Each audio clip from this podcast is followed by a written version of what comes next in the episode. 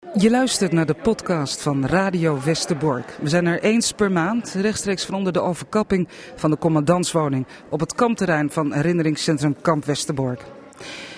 In deze aflevering gaat het over ooggetuigenverhalen en over hoe je het verhaal van de oorlog en de boodschap die daarbij hoort overbrengt aan nieuwe generaties. Astrid Kanis doet dat. Zij vertelt het verhaal van haar familie als gastspreker op scholen. En Sam Saptenno doet het. Hij is tweede generatie. Hij was tien jaar toen hij naar Nederland kwam. Bestemming woonoord Schattenberg. Voormalig kamp Westerbork dus. En u hoort Guido Abbuis. Hij is conservator bij herinneringscentrum Kamp Westerbork. En hij interviewde de afgelopen jaren honderden ooggetuigen. Hij is net terug uit Israël, waar hij dat ook deed. En nieuw is de column van Ad van Liemt, journalist, schrijver en programmamaker. Hij vertelt in deze aflevering over een man die hem nu al een hele tijd in de ban houdt. En in wiens achtertuin wij zitten. Ja, ik begin uh, bij Guido Abuis, dicht bij huis vanmiddag. Guido, ik mag, uh, mag uh, je zeggen.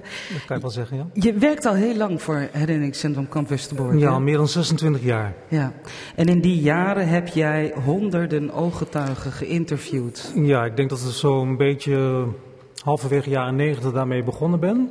En dat begint in het begin nog uh, met audio en tegenwoordig is het echt met een professionele cameraman. Dus het is nu al ruim 20 jaar uh, en dan 15 tot 20 interviews per jaar. Ja, dat, dat blijft fascinerend lijkt me. Zoiets kan niet uh, uh, saai worden of... Mm, ja, het blijft fascinerend omdat je iedere keer weer versteld staat um, wat voor nieuwe informatie je krijgt. En het blijft natuurlijk, uh, want uh, de interviews zijn zodanig opgebouwd. En nu praat ik even over de periode 1942-1945. Die zijn zodanig opgebouwd dat je dus eigenlijk begint met de familiegeschiedenis, de herinneringen van voor de oorlog, de geschiedenis van een familie en dan de eerste oorlogsjaren. En dan uiteindelijk kom je in Westerbork terecht en wat er daarna gebeurd is.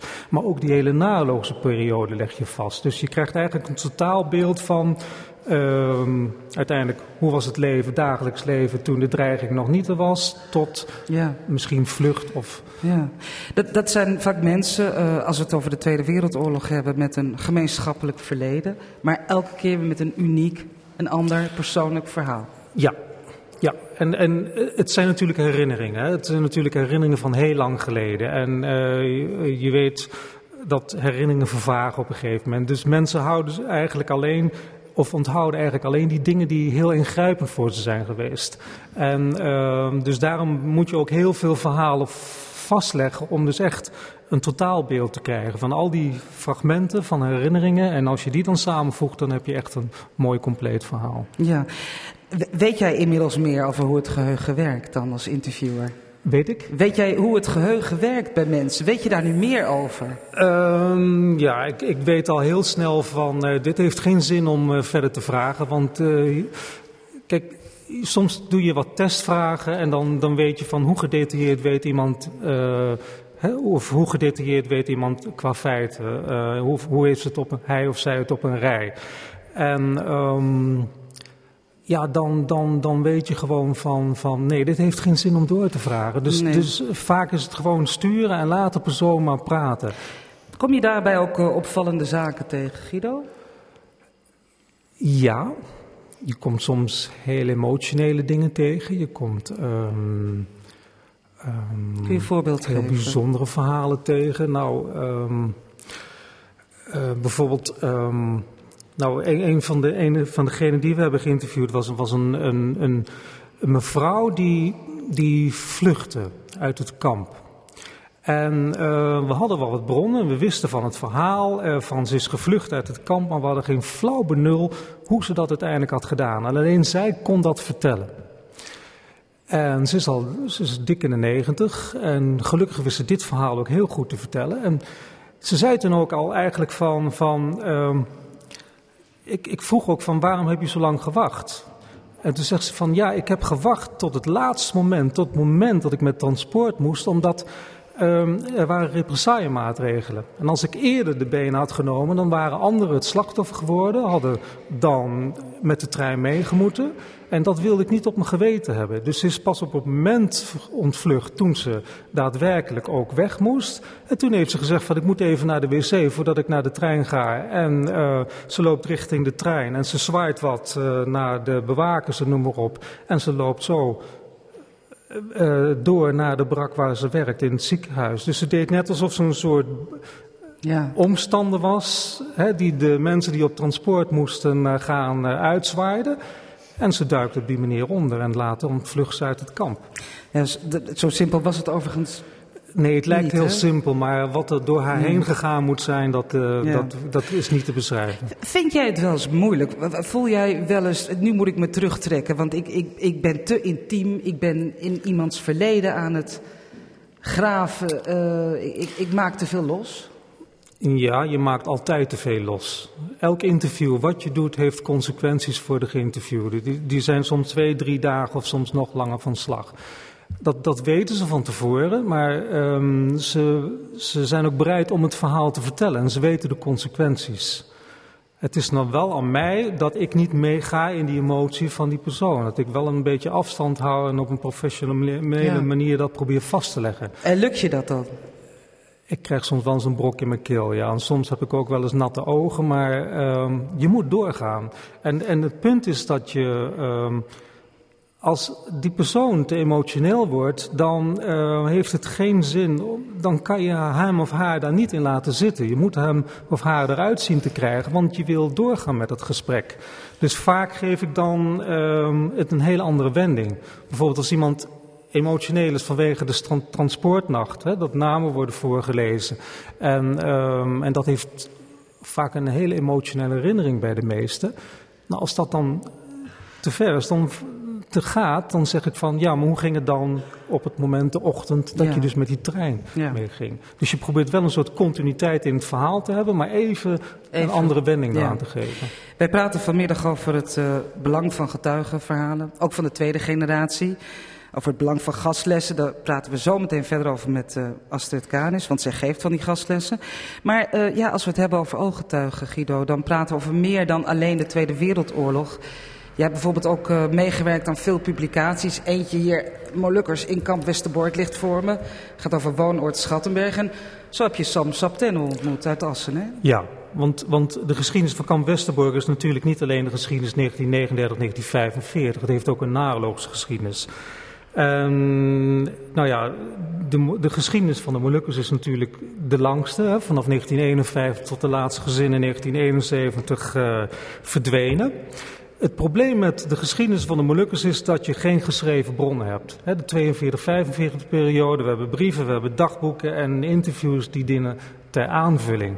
Maar die Molukse geschiedenis die is eigenlijk niet beschreven, behalve officiële regeringsdocumenten, maar geen brieven, geen dagboeken. Dus met andere woorden, het vastleggen van de verhalen van de mensen die daadwerkelijk daar hebben gewoond, dat is ongelooflijk belangrijk. Ja. En Sam is inderdaad een van de personen. Sam Sapterno, um, Mag ik u vragen, ik ga zo meteen lang met u praten, langer. Maar u kwam hier als tienjarige jongen. Ja. En u bent hier vandaag ook. En er zit een mensenleven tussen. Maar weet u het nog, hoe het voelde toen u hier voor het eerst kwam? Ja. Dat uh, is voor mij toen uh, heel verschillend toen ik hier, uh, hier kwam. Je, je komt van een warm land en dan kom je hier, is het zo eh, guur en koud. Dat, dat, dat is allemaal uh, even winnen. Maar geleidelijk aan is het uh, wel goed gegaan. Ja, en u dacht dat u hier voor een kort verblijf zou zijn. Iedereen dacht dat, uw familie. Maar dat was niet zo. Maar als kind weet je dat niet. Ik bedoel, je, je, je speelt en uh, hoera. Ja. Uh, maar vader, die, die weet natuurlijk wel uh, dat we hier voorlopig zouden zijn. Guido, even tussendoor. Blijft elke keer weer heel raar om hier te zitten hè, in de, ja, wat zal het zijn geweest, de voortuin van, van de commandantswoning? Uh, nee, een onderdeel van de achtertuin. Volgens mij had hij hier ook hondenhokken. Want hij had ook puppies op een gegeven moment.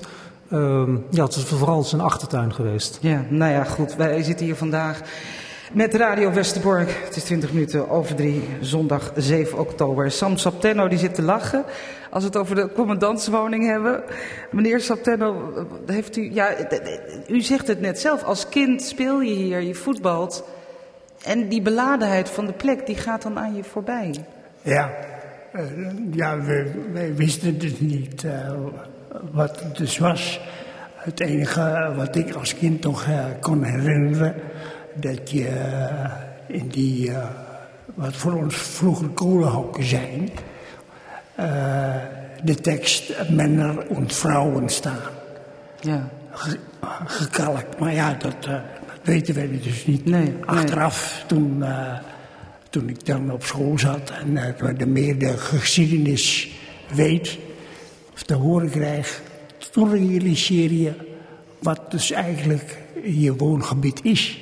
Ja. Of was. Ja. U, u komt hier, um, uw vader heeft een uh, hoge rang in het leger. Hij is sergeant-major, hè? Ja. Saptano. Uh, Saptano, neem me niet kwalijk. En uh, u heeft een groot gezin. Jullie komen hier en uw vader die wordt ook actief op Woonoord Schattenberg. De, kampraad. De kampraad is dus de officieren die uh, toen werden aangesteld. Alleen op grond omdat zij dus dan uh, de achterban kan uh, verwoorden. Omdat ja. zij de enige waren toen de tijd die het Nederlands beheersten. Ja. weliswaar het Indisch-Nederlands. Uh, maar dat, dat is het waardoor zij dan op een gegeven moment benoemd werden als kampraasleden. Ja, u was een kind van tien jaar. Veranderde er heel erg veel in uw leven toen u hier kwam? Ja, uh, toen, wij, toen ik dus in, in Indonesië woonde, toen heb ik nooit in, in een kamp gewoond omdat vader officier is, wonen wij gewoon buiten de kazerne. En toen uh, wij hier dus waren, woonde ik voor het eerst uh, in een kamp. Ja. Ja. Voelde, voelde dat als een beetje als een gevangenis? Nee, nee. Je maakt dus snel vrienden. Hè? Dus het, uh, dan is het zo dat je uh, de bossen in gaat, een beetje gaat rafotten en zo. Dus dat, dat, dat is niet zo. Uh, ik weet nog wel dat mensen uh, mij wel eens vragen: hoe is het dan mogelijk dat je daar kan winnen? Ja, maar dat weten we niet. Nee. Dus je, je, je, als kind, dan, dan speel je en dan heb je lol. En, ja. Dan ga je een beetje. Eh, Terwijl wij het nu, ik vind het bijzonder raar dat mensen destijds dat heel gewoon vonden om u en uw familie en anderen onder te brengen in een, in een voormalig kamp, uh, Guido. Dat is toch ook een beetje vreemd? Dacht men toen blijkbaar anders over? Ja, dat is natuurlijk vrij bizar. Zeker als je het hebt over de, de, de groep Indische Nederlanders die op een gegeven moment in, uh, voorafgaande aan de Molukkers uh, in kamp Westerbork terechtkomen. En de, vele daarvan hadden kampervaringen. Hè, onder Japanse bezetting in een kamp gezeten. En vervolgens zien ze dan prikkeldraad en, uh, en wachttorens. En komen ze in barakken terecht die ze zelf moeten inrichten. En eigenlijk is dat gewoon een voortzetting van het kampleven zoals ze dat uh, hebben ervaren. Ten aanzien van de Molukkers is dat iets anders, want dan is ondertussen het prikkeldraad er weggehaald, mm -hmm. de mhm. wachttorens zijn al weggehaald en men kan zich ook wat makkelijker ja. naar uh, buiten begeven. Dus dat gevoel van een kamp zal minder geweest zijn, maar uh, dat de omstandigheden eenvoudig zijn geweest, dat uh, staat buiten kijf. Ja, meneer uh, Saptenno, of ik, ik, moet Sam zeggen van u, hè, dat ja. zeg ik er even bij dat het op uw verzoek gaat. Ja, ik, ik lees het wel vaker dat het leven voor de kinderen in Schattenberg een van buitenspelen en voetballen was. Maar ja, op een gegeven moment moet u naar school en op een gegeven moment gaan jullie hier weg. En op een gegeven moment groeit u als het ware op in twee culturen, die van van uw vader en de Nederlandse? Uh, in, in het begin was het zo dat uh, je dus alleen maar uh, dat meemaakt wat vader meemaakt. En wij werden toen op zijn Spartaans opgevoed. Hè. Het is vader wil his wet. En dan heb je dus geen eigen mening. Die eigen mening heb ik ervaren toen ik dus op de middelbare school was. Ik was op middelbare school. Toen kreeg ik de indruk dat jij als leerling toch nog wat kan zeggen tegen de leraar. ik denk, hè, dat kan bij ons niet. Als pa zegt dit is zwart, dan is het zwart. Dan kun je pa is grijs, nee, het is zwart. Klaar. Ja. En, en toen ik dus op school was, toen, hè, ik mag wel wat zeggen. Toen leefde ik inderdaad tussen twee culturen. Buiten de poort. Heb ik mening? Mag ik mening hebben? Binnen de poort? Nee. is vader wil is wet. Ja. Zeg, uw, uw vader dacht dat hij hier tijdelijk was, als ik het zo mag zeggen. Op een gegeven moment dan kom je erachter dat het niet zo is. Heeft hij daar verdriet van gehad? Dat uh, hebben wij als kind nooit ervaren. Vader zegt altijd tegen ons van, dat is mijn strijd. Jullie moet je hier verder ontwikkelen. Ja. Dus de, en, en, dat is dan het verschil tussen, tussen ons en, en misschien andere moeilijkers, waar dus uh, de ouders heel anders tegenover staan. Mijn, onze ouders, mijn vader dan, die zegt van, dat is mijn strijd, daar hebben jullie niks mee te maken. Nee. Zeg, en hoe was het dan voor u? Heeft u dat verlangen nog gekend naar huis? Ik was in 48 was ik uh, naar Ambon gegaan. Anders heb ik altijd in Indonesië ge gewoond, omdat vader daar uh, als militair moet functioneren. Dus in 48 waren we daar geweest, zo drie maanden geloof ik. En daarna ben ik altijd in Indonesië gebleven, op Malang, ja. midden-Java. En de rest van uw leven hier? En de rest van mijn, het grootste gedeelte van mijn leven hier. Boven Smilder? Ja. Ja, maar uh, heeft u dat verlangen nog naar? Ik was in uh, 96 en 2004 even terug geweest.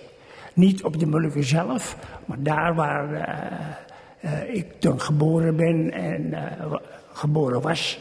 En de, de omstreken dus weer ging bezoeken. Ja. Ja. Dus dat, dat was wel, wel leuk. Het was zelfs zo dat ik uh, ging naar de, de, het adres van ons met zo'n zo'n bakfiets, hè, noemen we dat. En dan vertel ik die man van daar heb ik gewoond en daar heb ik gevoetbald. En hij schrok ervan. Hij zei dat hij dat nog allemaal weet. Ik zei, joh, ik heb hier ontzettend veel gespeeld. Dus ik, ik, ik weet dat. Ja. En uh, dat vond hij een beetje vreemd. En ik vertelde ook over de markt. Waar dus, uh, daar is de markt. En uh, dat. Ik zei, ja, ja, dat is zo. Ben op dat Ja. Ik zei, juist, bij het viaduct daar. Mooi is dat.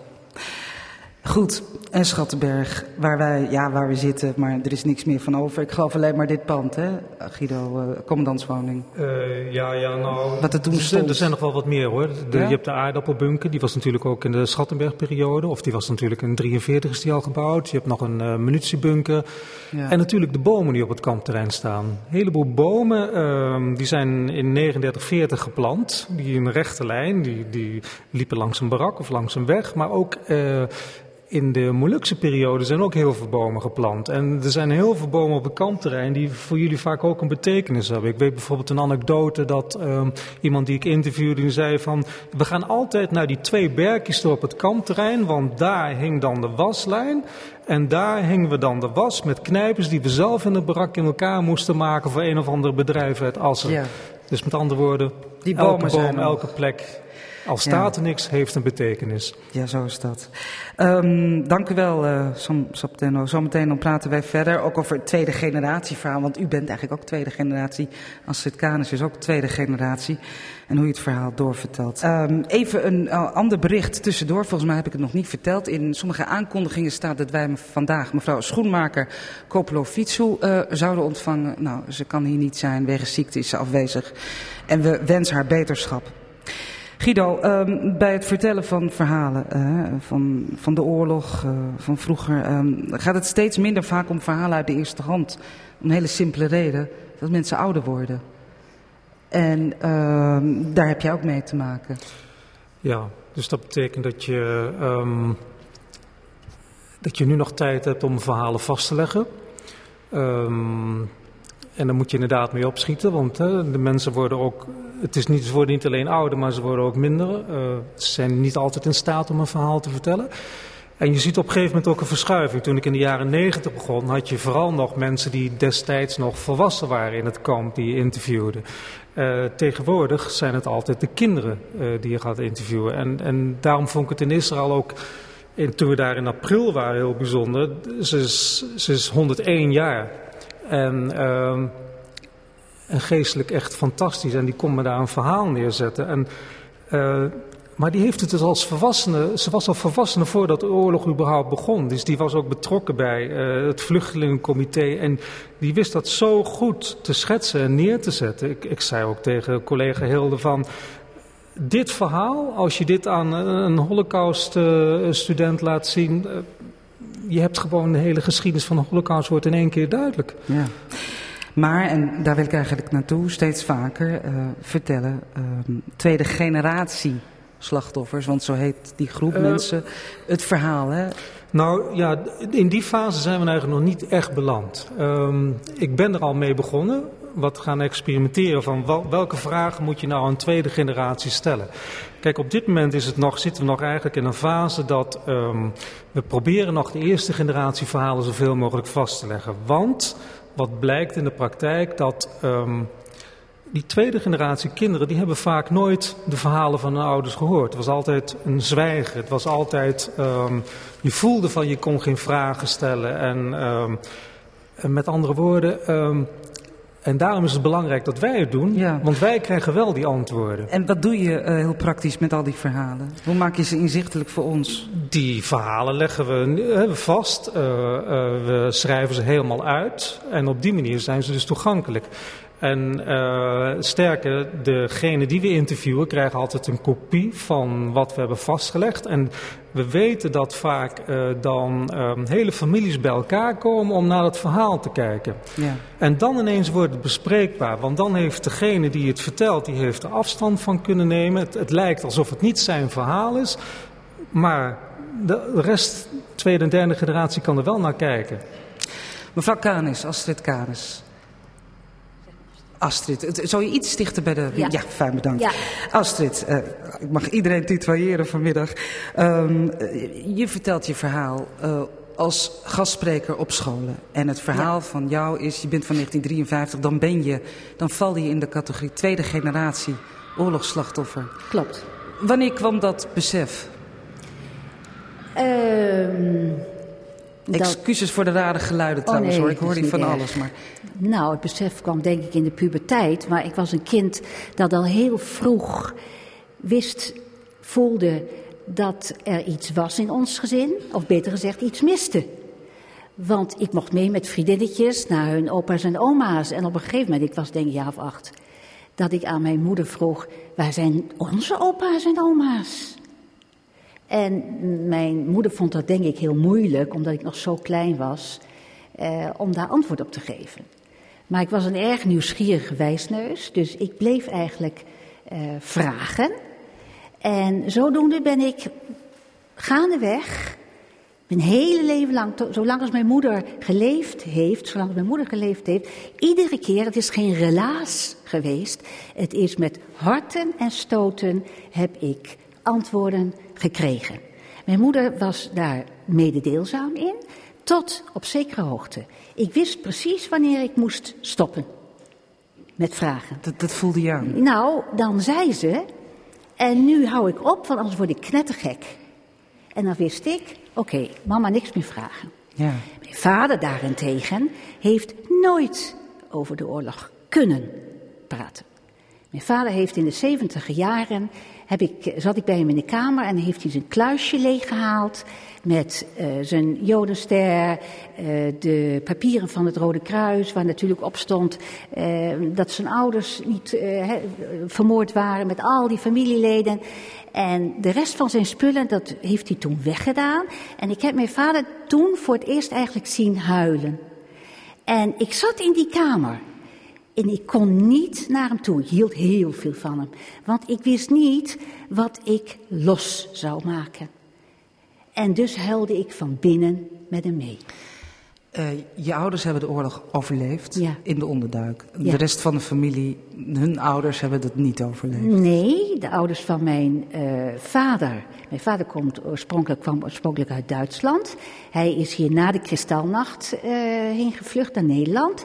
En heeft zijn ouders eerst in Duitsland gelaten. Waarom en hoe en wat, dat weet ik allemaal niet. Maar op een gegeven moment heeft hij zijn ouders ook naar Nederland kunnen krijgen, naar Groningen. Eh, omdat men dacht dat men in Nederland vrij veilig was. Maar dat bleek niet zo te zijn. Zij zijn in, 3, op 23 maart 1943 bij Razzia uit hun uh, huis meegenomen en uh, drie dagen later in Sobibor vermoord. Zometeen uh, praten we verder over, over je familiegeschiedenis en ook hoe het is om te vertellen aan kinderen bijvoorbeeld over een oorlog die ook de jouwe is. Astrid, even teruggrijpend naar wat je zojuist vertelde. Je groeide op als nieuwsgierig kind. En um, dat, het verdriet van je ouders heeft je niet belet om er naar te vragen. Maar je kon er met je moeder over praten en met je vader niet. Klopt. Um, en zo heb jij dus op jonge leeftijd eigenlijk al, al samen weten te stellen wat hen overkomen is in de oorlog. Ja, ja. kan je dat wel stellen. Ja, en dan wordt die oorlog ook de jouwe, want je leert natuurlijk ook hè, de momenten waarop je het kunt vragen, wanneer je op eieren moet lopen. En dat verdriet, komt dat dan ook, dat, dat zijpelt dan ook door in jouw jeugd? Uh, ja, zeker. Dat, uh, dat voel je. Zeker als je intuïtief bent en, en uh, natuurlijk. En waar je dan voor zorgt, dat doe je niet bewust, is dat je uh, je ouders als kind en later als tiener niet erg graag lastig valt met ingewikkelde dingen. Dus het ging eigenlijk altijd goed met mij. Ja, ja. Want ja, dan hadden ze dat er ook nog bij. Ja, maar He? zo is het natuurlijk niet in het nee, leven. Nee. nee, in die zin. Ik heb een prachtige jeugd gehad, toch, ondanks alles. Maar en natuurlijk wel beschadigd. Ja. En natuurlijk wel jong geconfronteerd met inderdaad het verdriet wat je uh, voelt als je met je, nou in dit geval dan met mijn moeder, als ik het erover sprak. En de laatste keer dat ze erover sprak, was ze geestelijk al niet helemaal meer vol, volwaardig, om maar zo te zeggen. Ze begon te dementeren. En toen kwam er iemand van uh, de indicatiecommissie om te kijken of ze ook naar een uh, tehuis moest. En dus die mevrouw vroeg, weet u wat voor dag het vandaag is? Nou, dat wist ze allemaal niet hoor. En een heleboel vragen waar ze allemaal fout op antwoorden. En op een gegeven moment, zo uit het niets, balde ze de vuisten. En gilde ze door de kamer. En mijn moeder had niet vermoord hoeven worden. Ze is verraden. En die mevrouw van de indicatiecommissie, die schrok. Die zei tegen mij, maar mevrouw, wat heeft uw moeder? Ik zei, mijn moeder heeft een flashback. Ja. Dus dat, om even aan te Ja, geven ja. hoe diep het zat. Ja, op een gegeven moment besluit je eh, om hier gastlessen over te geven. Ja. Ik zeg het maar even gewoon heel praktisch.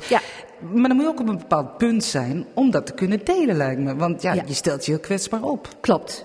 Eh, ik ben hier een paar jaar geleden voor het eerst geweest. Dit was voor mij eigenlijk eh, een zeer beladen plek. En ik dacht, ik moet daar toch heen. En toen was ik op het terrein en ik had eh, drie rozen bij me voor de drie vermoorde grootouders. Eén groot, mijn grootvader van moederskant was overleden eh, voor de oorlog. En die rozen zette ik ergens neer bij een willekeurig steentje. Je kon kiezen, hè? er waren er 102.000. Maar er waren ook allemaal klassen met kinderen en ik kom uit het onderwijs. En toen hoorde ik een kind zeggen tegen een vriendinnetje... die mevrouw die zet daar rozen bij die sterretjes. Wat, wat bijzonder.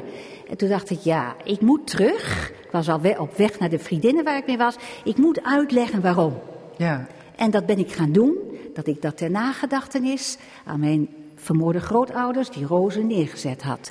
En toen dacht ik, ja, nou weet ik ook wat ik moet gaan doen. Aan die kinderen vertellen wat er gebeurd is. Ja, en aan de kinderen die ik 40 jaar lesgegeven heb, besprak ik mijn eigen familiegeschiedenis nooit. Wel natuurlijk Anne Frank en alles wat daar omheen zat. Ja. Maar mijn eigen geschiedenis. En nu vertel ik dus op scholen, nu ik niet meer op een school zelf werk, vertel ik op allerlei scholen de gastlessen en daar vertel ik mijn familieverhaal. En hoe oud is dat eh, eh, gehoor dan ongeveer? Bij welke leeftijd begint het? Eh, nou, negen tot en met 18, Ja. zo. En die, ne- die negenjarigen, hoe gaan die daarmee om? Heel goed. Ja, heel goed. Heel vrij.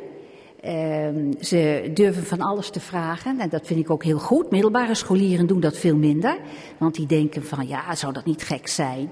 Maar er wordt veel gevraagd en eh, bijvoorbeeld eh, een vraag die ik ooit kreeg. eh, weet u hoe lang en op hoeveel adressen uw ouders ondergedoken hebben gezeten? Nou, Ik weet wel hoe lang ongeveer, vanaf uh, juni 42. Maar op hoeveel adressen? Dus ik moet ook heel vaak zeggen, ik kan het jullie niet nee. vertellen. Maar wat ik weet, zal ik uh, zeggen.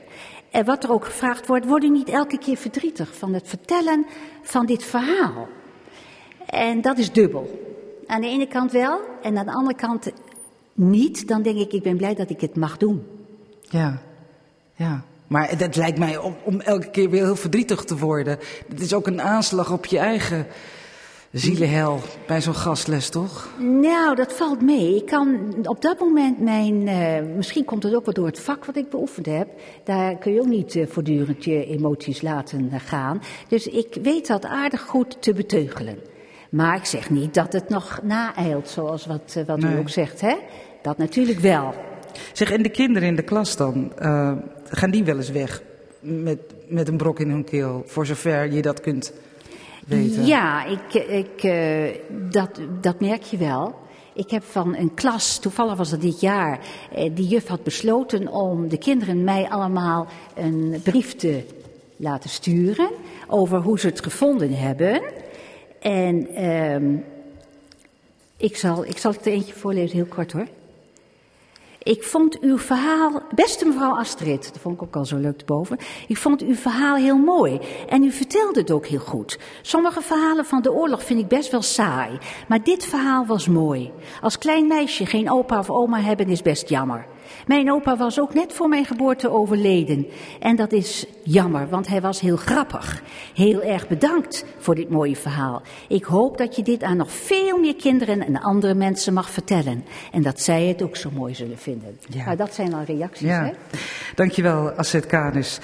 Wij gaan naar uh, een nieuwe uh, rubriek in dit programma. Wij hebben uh, als eerste columnist bereid gevonden Ad van Liemt. Hij is schrijver, journalist en programmamaker. En al een tijd in de ban, zal ik dan maar zeggen, van de man in wiens, dat hoor ik net van Guido, achtertuin we zitten.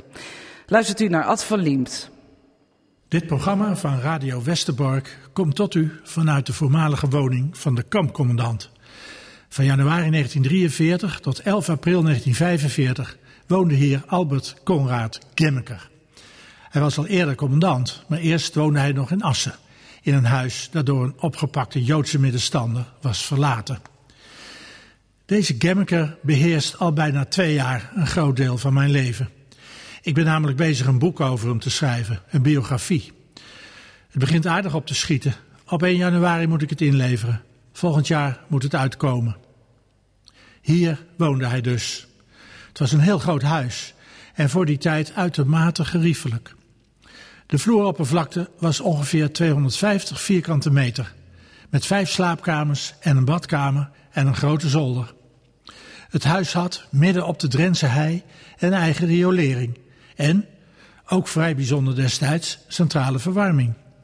In de keuken een aga-koeker, een hypermodern fornuis. Kemmeke zelf kwam uit een arm gezin. Zijn vader was steenhouwer. Na de Eerste Wereldoorlog werd zijn woonplaats Düsseldorf getroffen door de ene crisis na de andere. Luxe had Gemmeker nooit gekend. En toen opeens deze prachtige villa. Met een Joodse huishoudster, mevrouw Asch, die alles voor hem regelde. Ze had twee fulltime assistenten. Twee Joodse mannen onderhielden zijn tuin. Eén zorgde ervoor dat er elke dag verse witte anjes in de vaas stonden, gekweekt in een speciale kas in de tuin. Er was volop eten en volop drank. Er is geen twijfel mogelijk. Albert Gemmeker, de man die 80.000 Joden, Sinti en Roma naar de vernietigingskampen doorstuurde, had in die 2,5 jaar de tijd van zijn leven. Na de oorlog schreef een van zijn Joodse medewerkers, Hans Otterstein, een uitvoerig verslag over zijn tijd in Westerbork en ook over de commandant. Ik citeer een stukje uit dat verslag. Kleer- en schoenmakers, goudsmid en meubelmaker, architecten, tekenaars, timmerman, chauffeur en huispersoneel. Van alle soorten eerste klas vakmensen uit alle beroepen der burgerlijke maatschappij werkten voor hem en voor zijn vrienden. Hij liet zich door Joodse geneesheren en tandartsen behandelen maakte gebruik van een Joodse kapper, had een eigen kippenfarm en liet kassen bouwen voor het kweken van bloemen. Zeker voelde hij zich, en dat was geen wonder ook, koning van een klein koninkrijk. Einde van het citaat. En dan had hij, terwijl zijn vrouw met drie kleine dochtertjes de bombardementen op Düsseldorf moest zien door te komen, dag en nacht gezelschap van zijn secretaresse Elisabeth Hassel, tevens maîtresse. Albert Gemmeker, tweeënhalf jaar lang de koning van Westerbork. Mede verantwoordelijk voor de dood van tegen de 80.000 onschuldige mensen.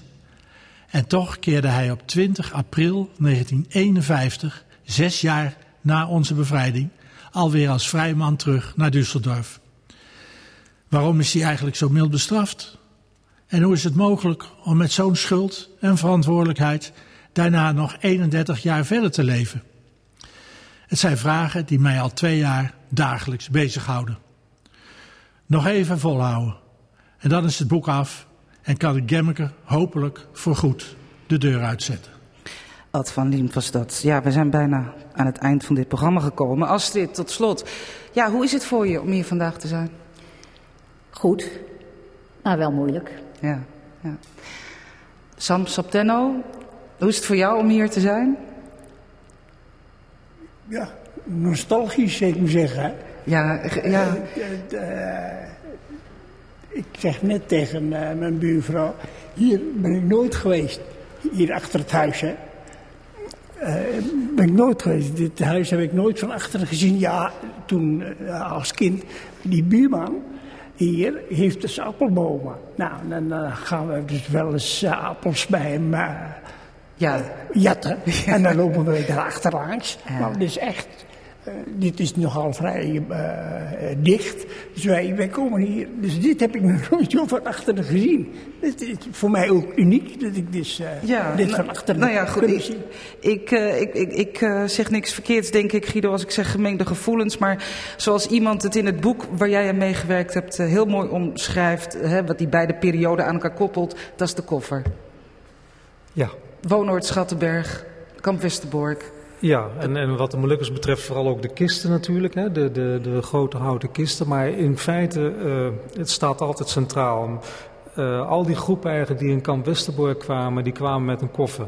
En in het geval met de Molukkers gingen ook weer met een koffer naar Smilde of Assen, of ja. welke woonplaats ook. Ja, en goed, het verdriet is er ook. Het, het, het pijloze, onmetelijke verdriet en leed wat aan ja. deze plek kleeft. En het is vooral uh, mensen uh, ja, weinig rekening houden met mensen. Ze eigenlijk op een plek neerzetten waar ze eigenlijk helemaal niet thuis horen. Nee. Guido, uh, uh, het zal heel banaal klinken als het uit mijn mond komt, maar laten we vooral die verhalen bewaren en ze doorvertellen. Zoals jullie dat vanmiddag ook hebben gedaan. Heel erg bedankt daarvoor en zoals jij doet. Ja, en we gaan er zeker mee door. Er staan er voor de komende week alweer een aantal nieuwe interviews gepland. Je luisterde naar de podcast van Radio Westerbork. Bedankt voor het luisteren. Geef ons dus een sterretje en vertel het door. En luister ook eens naar de podcasts van Drenthe Toen of Cassata of onze Sportcast.